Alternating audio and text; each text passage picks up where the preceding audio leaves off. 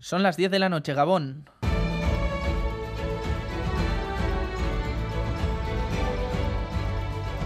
Radio Euskadi y Radio Vitoria. Servicios informativos.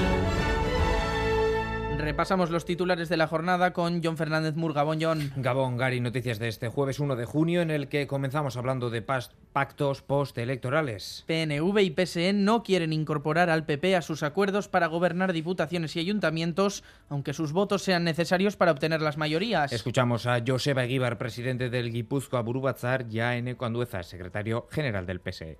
En Guipúzcoa ni ha habido ni va a haber un acuerdo político con el Partido Popular. Tendrán que optar voto activo o lo demás, pues eh, la abstención. Evidentemente yo creo que es eh, una situación que prácticamente se debe descartar. Yo creo que la visión es compartida por ambos partidos. Yo creo que no tengo que agradecerle absolutamente nada al Partido Popular. Aquí cada cual presenta sus opciones y es la opción con los que más apoyo se cuenta la que va a gobernar. La secretaria general del PP Vasco, Laura Garrido, ha respondido en Gambara, quieren ser decisivos en las instituciones durante toda la legislatura. Nosotros vamos a ejercer de decisivos durante todos estos años. Nosotros garantizamos esa estabilidad, porque luego aquí habrá que aprobar presupuestos, habrá que aprobar normas forales, habrá que aprobar planes generales, habrá que hacer política en el día a día. Está claro de que el Partido Nacionalista y el Partido Socialista pues no garantizan eh, una fórmula eh, de gobierno eh, que pueda ser garantía de gobernabilidad durante los cuatro años. Y ellos lo saben. Y Garrido ha pedido al PNV que no presente a sus candidatos en las localidades donde el PP es primera fuerza como La Guardia o La Bastida. Mientras en Navarra María Chivite ha llevado a cabo hoy su primera ronda de contactos con los partidos con los que quiere reeditar su gobierno. Se ha reunido con Guero Abay y con Contigo Zurek, informaciones con las que compartió el Ejecutivo del PSN la pasada legislatura. Begoña Alfaro, candidata de Contigo Zurekin a la presidencia de Navarra, también se ha pasado por Gambara, se ha mostrado optimista, pero quiere más peso y más capacidad de decisión que en la anterior legislatura. Nuestra representación es mayor que la que tuvo Podemos en la, en la pasada legislatura.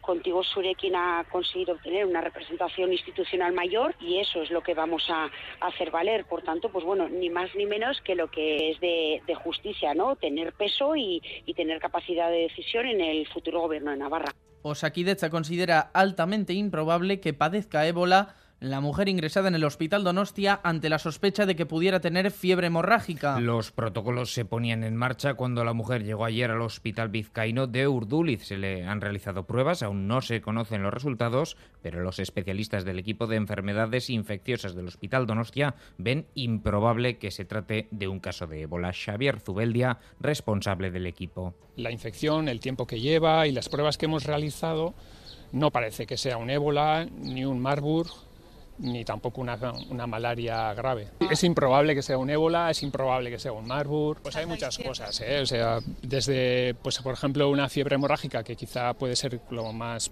grave o serio, a una riqueza que puede ser lo más banal, que con el antibiótico que tiene puesto, pues que se pueda curar y los erchañas movilizados al margen de los sindicatos se han concentrado hoy frente al Parlamento de Vitoria. Sí, y han cortado durante una hora el tranvía sin que las dotaciones presentes lo hayan impedido, como ha ocurrido en otras ocasiones. El Departamento de Seguridad lo considera muy grave y asegura que lo va a analizar. Este colectivo de erchañas se moviliza al margen de los sindicatos, reclama estar presente en la negociación del convenio. Su objetivo es lograr mejoras laborales y una subida salarial de 1.100 euros al mes.